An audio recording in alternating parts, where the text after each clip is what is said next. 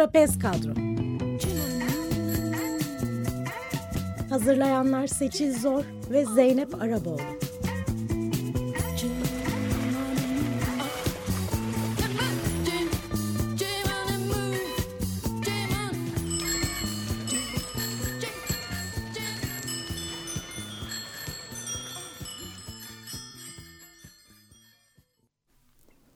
İyi akşamlar sevgili Açık Radyo dinleyenleri. 5 Şubat 2019 Salı akşamındayız. Açık Dergi Kuşağı Trapez Kadro yayını başlıyor. Hoş geldiniz. Herkesin sürebildiği bisiklet ve herkesin dinleyebildiği radyo programı Trapez Kadro. 15 günde bir salı akşamları olduğu gibi biz mikrofon başındayız. Programı birlikte hazırladığımız Seçil Zor yanımda. Merhaba Seçil, nasılsın? Herkese iyi akşamlar. Ee, çok iyiyim Zeynep. Sen nasılsın? Teşekkürler. Ben de iyiyim. Neler yaptın? Yakın zamanda bisiklet sürdün mü? Evet, e, pazar günü cumartesi çalışıyorum. Bunu e, sürekli yeniliyorum, tekrarlıyorum. Bu yüzden pazar günü kendim sabah erkenden arkadaşlarımla yollara attım. E, ve Yalova'da e, İznik Gölü'ne gittik. E, Keramet Kaplıcası'na kadar sürdük. İşte e, günübirlik bir e, yolculuktu. E, yol bisikletimle gittim, yarış bisikletimle. Çünkü hafta içi çok yorulmuştum ve tur bisikletimle e, daha fazla hani yani akışında gitsin istedim. O yüzden yol bisikletimle 90 kilometre yaptım. İşte bir yaklaşık kaç dört buçuk saatte falan. Yani çok keyifliydi gerçekten. O yola gitmem gerekiyordu ki bugün e, yayına bu kadar enerjik gelebileyim.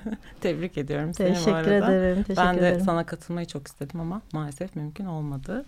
Ee, bir gün inşallah yapacağız. bir gün evet bir gün inşallah yapacağız. Evet. Ee, bugün çok güzel bir tesadüfle e, tanıştığımız e, bir e, bisikletli dostumuz var diyelim. Evet bugün yanımızda bir bisikletli dostumuz var. Ee, ama sadece bir bisiklet dostu değil pek çok özelliği var. Aslında onunla tanışmamız da bayağı ilginç oldu. Onun hikayesini de önceden bir anlatmak isterim. Ee, ben Oc- Ocak ayında bir Atina seyahati yaptım. Ee, programı takip edenler az çok hatırlar. İkinci programa konuk olan Seçin Özgür Yakan'la birlikte Atina'daydım. Biz de orada bisiklete bindik. Ee, bakma şehir içinde bindik öyle tur falan yapmamamıza rağmen e, bir günde 60 kilometre yapmıştık. Oo. Ee, evet e, çok çok güzeldi. Ee, bir günde Akropolis tarafını gezdik. Çok vakit yoktu ama e, biraz gezdik ve sonra biraz nefeslenmek için en sevdiği kafeye götürdü beni. Orada e, oturduk işte sohbet ediyorduk. Tabii ki her zamanki bir bisikletten, bisikletli kadınlardan bahsediyorduk. Ee, sonra bir ses duyduk. Merhaba dedi bir kadın. Şimdi burada. Biz de kendisine merhaba demek istiyoruz. Merhaba, Ee, Defne Suman hoş geldin. hoş bulduk. Hoş Merhaba. geldiniz, hoş geldiniz. Hoş bulduk. Ee, Defne Suman e, o gün yani hiç tanımıyorken birdenbire bir yazar olduğunu, bir yoga eğitmeni olduğunu, aynı zamanda hayatın ortasında bisiklet olan bir bisikletli kadın olduğunu öğrendik. Doğru. Müthiş bir tesadüftü. Gerçekten harikaydı. Benim hep gittiğim bir yer orası. Ben Atina'da hem Atina'da hem İstanbul'da yaşıyorum. Ee, Atina'da olduğum zamanlarda da çok sık gittiğim bir kahve. Çünkü hem kitapçı hem de kahve aynı zamanda ve insanların çoğu e, oturup içeride çalışıyorlar. Ben de önümde bilgisayarımla bilgisayarımı açtım tam çalışmak üzere. Yanımdaki iki kişinin Türkçe konuştuklarını duydum ve dönüp merhaba dedim. Ortaya çıktı ki bisiklet sevdalısı iki Türk kadınıymış yanımdaki ve oradan buraya. Evet, Evet. sonra Ee, sonra evet yani o an kendimiz de inanamadık galiba böyle bir şey nasıl oluyor Yunanistan'ın başkentinde bir kafede otururken e, aslında bir de şunu da fark ediyoruz E, biz Defne ile aynı mahallede Evet, oturuyormuşuz. iki sokak arayla. Evet e, yani bütün bu işler böyle başlamadan önce ben kendi mahallemde bisiklet binerim. Belki benim mahallemde başka kadınlar da var mıdır diye merak ederken gerçekten olduğunu ama Atina'da bir kafede öğrendim. Evet işte. Tekrar hoş geldin. Hoş bulduk. Sağ olun. Ee, ya, biraz bisikletle ilişkinden bize bahsetmek ister misin? İsterim. Ee, çok küçük yaşımdan beri bisiklete biniyorum. Ee, bisikletçi bir aileden geliyorum. Şunu söyleyeyim yani Büyükada'da büyüdüm. Dedemin evinde yaz tatillerini orada geçiriyorduk ve ailede dedem, dedemin kız kardeşi, büyük hala, annem, teyzem, e, işte teyzemin kızı, ben hepimiz bisiklet üzerinde geçiriyorduk vaktimizi. Zavallı anneannem hariç. O da ona da bisiklete binmiyor diye etmediğimiz laf kalmıyordu. Nasıl yani bilmiyorum? Nasıl yani bilmezsin? Onun dışında bütün aile işte 1940'lardan, 50'lerden, 60'lardan, 70'lerden kalma bisikletlerini sürerek hayatını sürdürürdü. Ee, sonra babam bana kendi bisikletimi getirdi. Babam da çok yani bu anne tarafımın ailesi ama baba ailemdi. Babam da çok bisiklet düşkünüydü. 9 yaşındaydım. Kapıyı bir açtım Gayrettepe'de bizim mahallede. Babam bir bisikletle duruyor karşımda ve hemen binmeyi öğrendim. Ondan sonra ben de bir daha da inmedim. Bu arada Gayrettepe'nin müthiş yokuşlarla dolu bir mahalle olduğunu da e, buradan söylemek istiyorum ama işte sevince, ailenin içinde normal gelince öyle bir şey görmüyor insan gerçekten. Bunu ben de e, birebir biliyorum. E, tabii böyle bir ailenin içinde olmak e, olmasaydın da belki sen de o şeyi görüyorum çünkü gözlerinde. Onu bilemiyoruz işte. Bilemiyoruz ama yani öyle bir sevdayla e, şey e, bisiklet sürmüşsün. E, evet yani hareket benim için hep çok önemli oldu. Hayatımın en başından beri hareket halinde olmayı çok seviyorum ve bisiklet buna olanak sağladığı için de benim için vazgeçilmez. O yüzden bana slogan sordunuz ya bisikletim benim atımdır, adımımdır evet. sloganını seçtim. Çünkü öyle yani hop atla ve götürsün seni bir yerden bir yere. Peki evet. bahsettiğiniz onca bisiklet, evdeki bir sürü bisiklet nerede şimdi? Şimdi bu e, babamdan geçme bir hastalık bana bisiklet koleksiyonculuğu. Kimi bisikletler babamdan kaldı, kimisi e, işte annemin antika bisikleti, annemin ilkokulu bitirme hediyesi olarak dedemin ona satın almış olduğu bisiklet. E, iki tane büyük adada.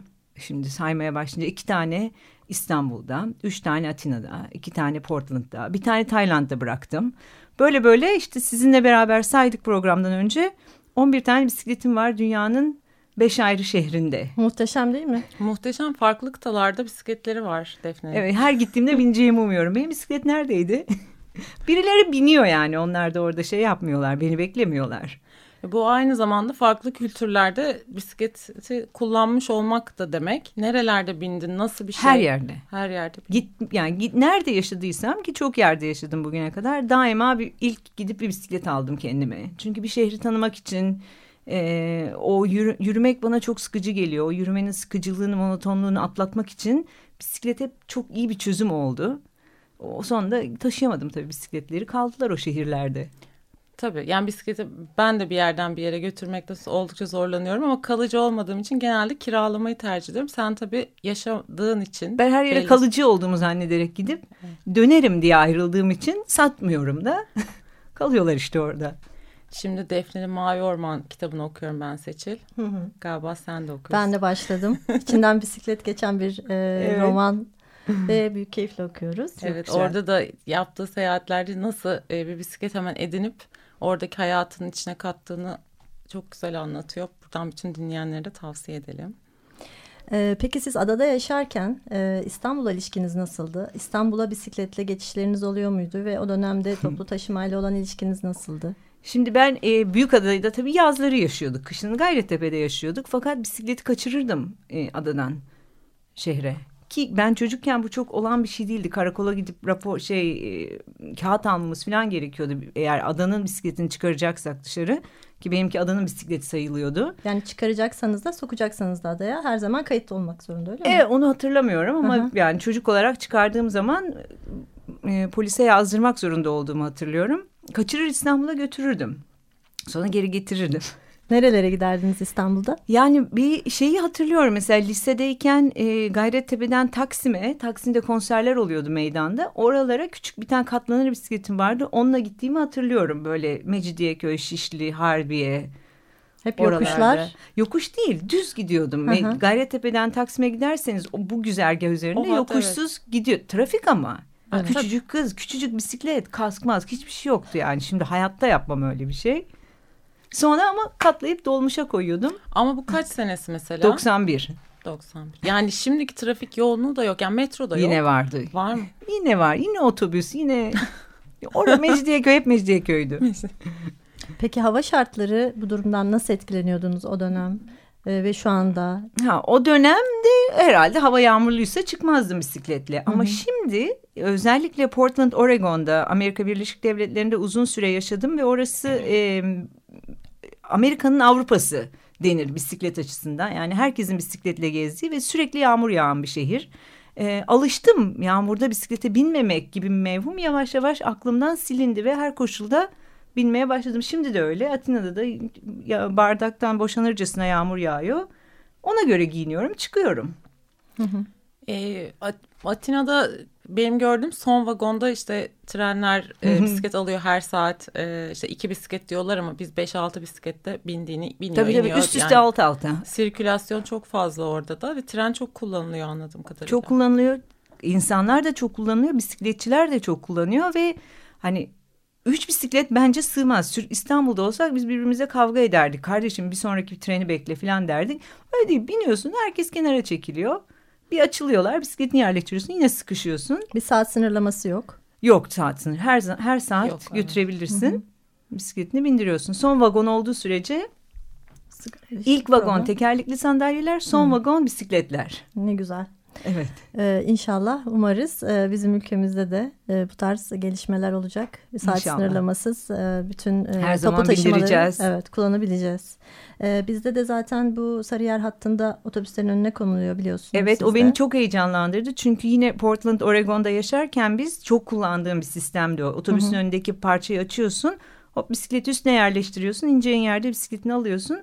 Çünkü şehrin her yerinde de binmek istemiyorsun. Hı hı. O arayı otobüsle gitmek toplu taşımayla gitmek çok kullanışlı bir şey aslında. Bize de olacağını umuyorum. İnşallah. Buradan e, bütün mesajları iletiyoruz e, yetkililere. E, bisiklete başlamak isteyenlere önerim var mı? E, yani her zaman gibi atlayın, binin, basın pedala o gider demek istiyorum. Tabii başlarken hani güvenli bir ortamda olsun, güzel bir ortamda olsun, düz bir yolda gitsinler. Büyükada'da gideceklerse mesela Maden mahallesini tercih etsinler. Nizam'ın çamlara çıkmasınlar. Çok yapan oluyor bunu. Hani hiç bilmeden gelip bisiklete binip ondan sonra düşüp kendini incitenler. O yüzden düz bir yolda e, korkusuzca basıp gidin diyorum ben. Şimdi e, birkaç duyurumuz var. E, istersen Zeynep'ciğim bunlardan bahsedelim. Ee, bahsedelim. E, kısa bir ara e, verelim e, bahsedelim. E, 8 Şubat Cuma günü kışın işe, işe bisikletle gitme günü bütün dünyada diye. Önceki programda da bunu hatırlatmıştık. E, bununla ilgili aslında bisiklet dolaşım platformunun bu e, Cuma akşamı bir happy hour gibi yazmışlar. İşte işe bisikletle gidenlerin sonra akşam buluşup e, Karaköy Vapur İskelesi'nde e, böyle Yeniköy'e doğru bir boğazdan bir tur yapma şeyi var. Buluşma e, saati 19.30. Buluşma saati 19.30 görünüyor evet. Hı hı. E, bunun aslında yapılma sebeplerinden biri de işte Berlin'den gelecek bir takım birkaç misafirleri var ve e, onlara da aslında bir boğaz e, havası aldırmak. Aynı zamanda da işte bu hatta olan şeridi paylaş e, ne kadar etkili onların e, bu dönüşümü görmesi açısından böyle bir tur düşünülmüş. Biz de orada oluyoruz değil mi? Biz de gideceğiz. Evet biz de gitmeyi düşünüyoruz. Buradan e, herkese de duyuralım katılmak isteyenlere. E, bu aslında devam da ediyor. İşte ertesi gün bir bisiklet yollarının kopuk kopuk olduğu Kadıköy'de yani Kadıköy'de bisiklet yolları var ama işte birbiriyle tam olarak entegre olamamışlar vesaire. Kadıköy'den Kozyatağı'na gitmek denenecek. Hı hı. Bisiklet yollarını kullanarak işte bu ne kadar başarılı ne kadar başarısız. Akşamda cumartesi akşamı 19'da İdea Kadıköy'de o da Moda Burnu'nda bu arada. Ee, bunun bir değerlendirmesini yapacağız. Berlin'de bisiklet dolaşım nasıl? İstanbul'da bisiklet dolaşım nasıl? Kim kime nasıl destek olabilir? Bununla ilgili bu hafta Böyle bir komple e, etkinlikler silsilesi var. Ee, ve e, bir de Cumhuriyet Gazetesi'ne çıkan evet, bir haber oldu. Evet. E, WRI Türkiye Hı -hı. direktörü çok güzel bir şey söylemiş. Bir kentte bisiklete binebiliyorsanız, çocuğunuz okula bisikletle gidebiliyorsa o kent yaşanabilir bir kent olur, yürünebilir bir kent olur. E, bisiklete bilinme, e, binilebilmesi bir aslında kriterdir e, diyor. Buradan e, herkesi kendi kenti üzerine düşünmeye e, davet ediyoruz biz de. E, buna bağlı olarak da işte İtalya'da e, teşvikler var teşvikler değil mi? var Bologna ve Bari'de. E, eğer siz bisiklet kullanırsanız gündelik hayatınızda işinize bisikletle giderseniz işte alışverişe bisikletle giderseniz şehir içerisinde gündelik hayatınızı bisikletle sürdürürseniz size aylık 25 euro e, katkı geliyor değil mi? Evet bir destek veriyorlarmış. Hı hı. Bu da e, çok güzel bir teşvik. E, umarız ve ayrıca ben e, şunu da biliyorum orada işte bisikletle gittiğiniz zaman buna ayrıca kafeler ve restoranlarda indirim yapıyorlar ki e, 25 euro dışında hani başka teşvikleri de var böyle yan teşvikleri. Hatta Bolonya'da bir uygulama var o uygulamayı kullanırsan hareket ederken şehir içinde işte yürürken, bisiklete binerken oradan yaptığın kilometreye bağlı olarak puan topluyorsun Aa, ve anlaşmalı yerlerden e, kendini ödüllendiriyorsun aslında dondurma alıyorsun, kahve alıyorsun.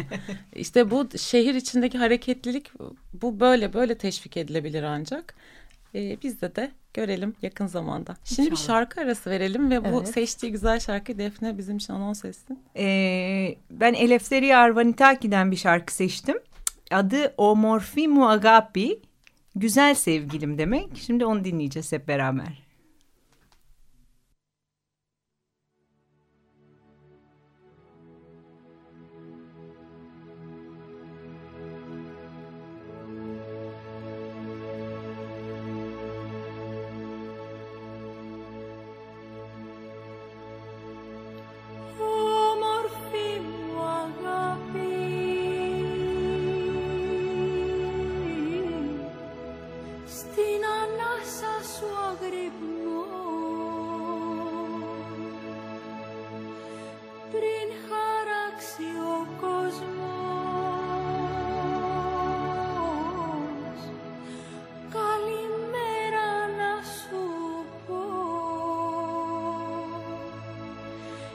Tay?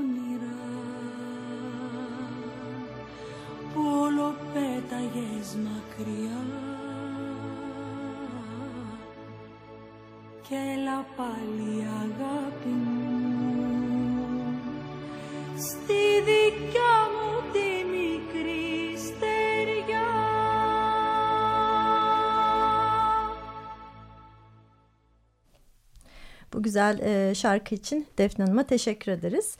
E, sizin bir e, yogi olduğunuzu da biliyoruz. Bize biraz bundan bahseder misiniz? Ee, tabii bahsederim. Yoga eğitmeniyim ben. Aynı zamanda bir yoga öğrencisiyim. Ee, Tayland'da başladım yogaya. Ee, hemen ilk ilk derste sevdalananlardanım ben de. Bu sonradan kendim eğitmen olunca bunun sık rastlanan bir durum olduğunu da öğrendim. Ee, hemen başlar başlamaz hayatım boyunca bunu yapmak istiyorum dedim. Bu yoga denen şeyin hakkında ne varsa hepsini bilmek istiyorum dedim. Ve birden yani önümde hayatımın yolu ki ben herkesin hayatta bir yöne doğru bir hediyesi olduğuna inanıyorum. Ee, yeter ki hani onu anlayalım ve o yöne doğru ilerleyelim. Ee, etraftan gelen baskıyı göz ardı edelim. Benim o anda anladım yani. Benim yönüm budur, yogadır. Ki hiç bir- ne olduğunu bile bilmiyordum yani. Meditasyon falan zannediyordum ben onu. Benim de ha- Pardon. ha, benim de hayatımda en böyle e, kopma noktalarımda ya da sıkıntılı dönemlerimde sığındığım bir şeydir yoga. E, yine yapıyorum işte bu dönemimde de yapıyorum. E, beni çok rahatlatıyor. Benim yani bir, uçuşan fikirlerimi bir araya toplayıp bir bütün haline getirmeme sebep oluyor. Evet kesin insanı çok zenginleştiren yani bu bildiği halinin dışındaki hallerin de var olduğunu ona hatırlatan ve her gün yaparsanız bunu her gün hatırlayabileceğiniz dolayısıyla kendi benliğimize sıkıştığımız anda daha ötesinin olduğunu da bize hatırlatan bir sistem aslında. Evet ben de hep şey diye tanımlıyorum yogayı kendi hayatımda çıkmaz sokakta bir çıkış bulmuş gibi aslında sınava bir gün kala gece ders çalışmak gibi falan halbuki dediğin gibi her gün ya- yapabilsek o zaman e, Her gün çıkmaz sokaktan çıkış görürsün. ya belki de o kadar dibe kadar gelmeyeceğim yani şeyi e, o, o kadar çık, çıkmazın içine girmeyeceğim. Yok bence Ba- çok başka- güzel söyledin. Çünkü aslında hayatımız çıkmaz sokakta yani bildiğimiz halimizi tek varlığımız, tek benliğimiz zannederek aynı sokakta yürüyerek geçiyor. Ama yoga ya da başka bir mistik sistemde eğitildiğimiz zaman Aa, aslında çok sokak var. Bir şehirdeyiz biz. Hani buradan çıkıp burada da olabilirim. Başka varoluşları e, tecrübe edebiliyoruz.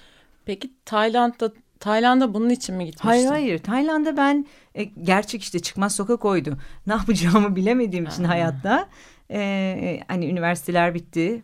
Hani ya akademiye devam edilecek doktora ve devamı ve ötesi veya veya ne bilmiyorum o ben hiçbir şey bilmiyorum. Kaç yaşındaydın? 28. Ki 28 yaşı böyle insanların hayatında çok ciddi bir dönem Evet. sonradan öğrendim ki hani herkes aslında 28 yaşında bir 28 yaş bunalımı geçirip oradan ya çıkmaz sokağa giriyor ya oradan açılıyor. Açılıyor. Aslında mesela şimdi e, şeyi çok daha iyi biliyorsun ne yapmak istediğini. Çünkü kitap yazıyorsun. Tabii. Yaşadıklarını e, yazıyorsun. Hemen arkasından geldi yani o yogaya başladım ve bence insan yogayla da ilgisi olduğuna hiç inanmıyorum bunun. Yani insan kendi hediyesi olan o yola girip oraya bütün gücünü aktarmaya başladığı zaman hayat ona zaten hediyesini vermeye başlıyor. Başlıyor. Yazarlık da böyle geldi. Ve yani yazarlık geldi. Şimdi onu da konuşacağız. Ama yoga da bitmedi. Çünkü hem yoga eğitimlerini vermeye devam ediyorsun. Kendin e, belki kendini nasıl tanımlıyorsun yoga konusunda? Ee, yo- öncelikle yoga öğrencisi olarak tanımlıyorum. Çünkü kendi hocamın gözünde ben hala başlangıç öğrencilerinden bir Ben tanesiyim de yani. öyle tahmin ettim. Hocamın yanında çalışmaya başlayalı 12 sene oldu. Ondan öncesinde kendim de yoga yapıyordum ama e, daha yani inşallah 100 yaşına kadar yaşayacaksam. Hiç bitmeyen bir öğreti yani. Bu daha ilk Değil mi? 10 yılı tabii. Şimdi biz Mavi Orman okuyoruz. Mavi Orman işte bisiklet, yoga böyle akıyor. Yani çok e, muhteşem bir şey. Çok tanıdık bir şey okuyormuşum gibi geliyor. Bir yandan da yeni şeyler e, görüyorum. Biraz e, yeni gelen bir kitap var. Başka romanlar var. Evet Bahseder şöyle misin? tabii şöyle anlatayım. Şimdi Mavi Orman benim e, ilk kitabım ve kendi deneyimlerimden günlük gibi aslında. E, ondan sonra artık bunu yazdıktan sonra dediler ki bana tamam sen biraz roman yaz. Hani evet güzel günlük tarzında yazıyorsun. Bundan sonra daha sanata daha edebiyata kay ve roman yaz ve romanlar başladı. E, Doğan kitaptan çıkıyor şimdi romanlarım. En son kahvaltı sofrası çıktı. Büyükada'da geçiyor. Çok bisiklete biniliyor Ay, nasıl hikayede. bisikletli bütün karakterler. Bisikletler üzerine konuşmalar geçiyor. Herkesin bir bisikleti var kitapta. Ee, ve kahvaltı sofrasının daha demi aslında sürüyor benim hayatımda. Bunun yanı sıra Mavi Orman'ın ikincisi. Yani devamı. Adı insanlık hali olacak yeni kitabın. Geliyor. Ee, Altın Kaplumbağa yayınlarından çıkacak. Aa, ne güzel. Evet. Şimdi Ee, onu hazırlıyoruz. Şimdi e, okunuyor mu? Hangi aşamada? Şu Ne anda editör aynı zamanda benim çok sevdiğim bir öğrencim. Pınar Üstün editörlüğünü üstlendi. Onunla beraber çalışıyoruz. Çalışıyorsunuz. Evet. Ee, bir imza gününüz var. Bunu da anons etmek ister Tabii misiniz? imza günü ve söyleşi olacak bu aslında. Ee, neden diyecek olursanız bu kahvaltı sofrası ve ondan önceki iki kitap Yaz Sıcağı ve Emanet Zaman e, tema olarak bir üçleme oluşturdular. Bu üçlemeyi resmi tarihi tersinden okumak üçlemesi gibi düşündük ve üçünü konuşacağız. 16 Şubat'ta saat 16'da Nostalji Kitap Kafede Pangaltı'da olacak. İstanbul Pangaltı'da. İstanbul Pangaltı 16 Şubat saat 16. Kitaplarını imzalatmak isteyenler, Kitapları tanışmak imzalatacağım. isteyenler. Tabii ki söyleşimize katılmak isteyenler herkesi bekliyoruz. İçinden bisiklet geçen hikayeleri dinlemek isteyenler, Evet. e, okumak isteyenler herkesi bekliyoruz. Lütfen. Bisikletli bir hayaliniz var mı? Bunca yerde sürdükten sonra ve yıl e, yani çocukluğunuzdan beri e, kullandığınız bir araç olarak ne Ee, kaldı geriye? Ne kaldı geriye? Ee, devam etmek yani aslında hayalim dediğim gibi 100 yaşına kadar yaşarsam inşallah 100 yaşına kadar hem yoga yapmak hem bisikletimi sürebiliyor olmak. Ee, hayalim o bisikletin üzerinden hiç inmemek. Ne kadar güzel. Evet. Gerçekten öyle. Ee, bu bizim yedinci programımız mı oldu Seçil? Evet yedinci oldu. Buradan herkese çok teşekkür ederiz destekleri için. Ee, Emre Boncuğa, Açık Radyo destekçisi Emre Boncuğa çok teşekkür ederiz. Biz destekleyen arkadaşlarımıza çok teşekkür ederiz. Evet bugüne kadar programa katılan herkese bugün bizde olan ve çok şu an gülümseyerek bakan Defne Sıvan'a zaten dinleyicilerimize de şu hafif bir şey verelim. İşte çaylar var, de, Defne Saman kitapları, fotoğraf makinelerimiz oldukça güzel bir şu an radyo stüdyosundayız. Ee, topluluğun parçası olmak isteyen e, bütün kadınları Bisikletli Kadın İnisiyatifi'nin Facebook grubuna davetimizi yenilemek istiyoruz. Ee, yayın masasına çok teşekkür ediyoruz. Ve e, iki hafta sonra e, 19 Mart Salı günü e, buluşalım demeden önce Seçil bir şey söyleyecek. Mavi Orman kitabında çok e, keyifle okuduğumuz bir bisikletle ilgili bir e, küçük bir e, paragraf var. Defne Hanım'dan bunu okumasını rica ediyoruz ve buradan herkese iyi akşamlar diliyoruz. İyi teşekkür akşamlar. ederiz Defne Hanım. Ben teşekkür ederim. Arkamızdan tek tük geçen at arabalarının asfalta çarpan nal sesleri geliyor. Bir de havanın limonata kıvamından sarhoşlamış bir karabatağın suya dalıp çıkarkenki şıpırtısı. Özeniyorum ona. Sonra aklıma geliyor. Benim de bisikletim var. Özendiğim çünkü karabatağın özgürlüğü. Benimki de bisikletimde saklı. Pedalları çevirirken hareket, bağımsızlık, bedenimle buluşmak gibi türlü hisler yalayıp geçiyor beni. hava, su, toprak, ateş hepsi bisiklete binme etkinliğinde vücuda geliyor. Gidonu ne zaman kavrasam boşluğa karışıyorum. Annemin beni büyük tur yoluna getirdiği o ilk yazda bisikletime atlayıp kendi başıma gelirdim buralara. Özgürlük, bağımlılık yapıyor.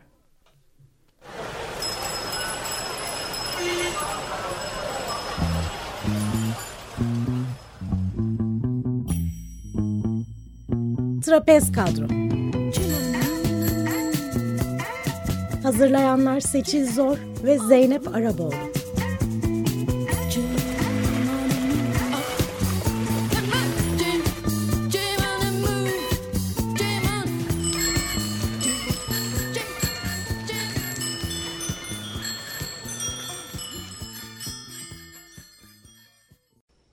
Radyo program destekçisi olun.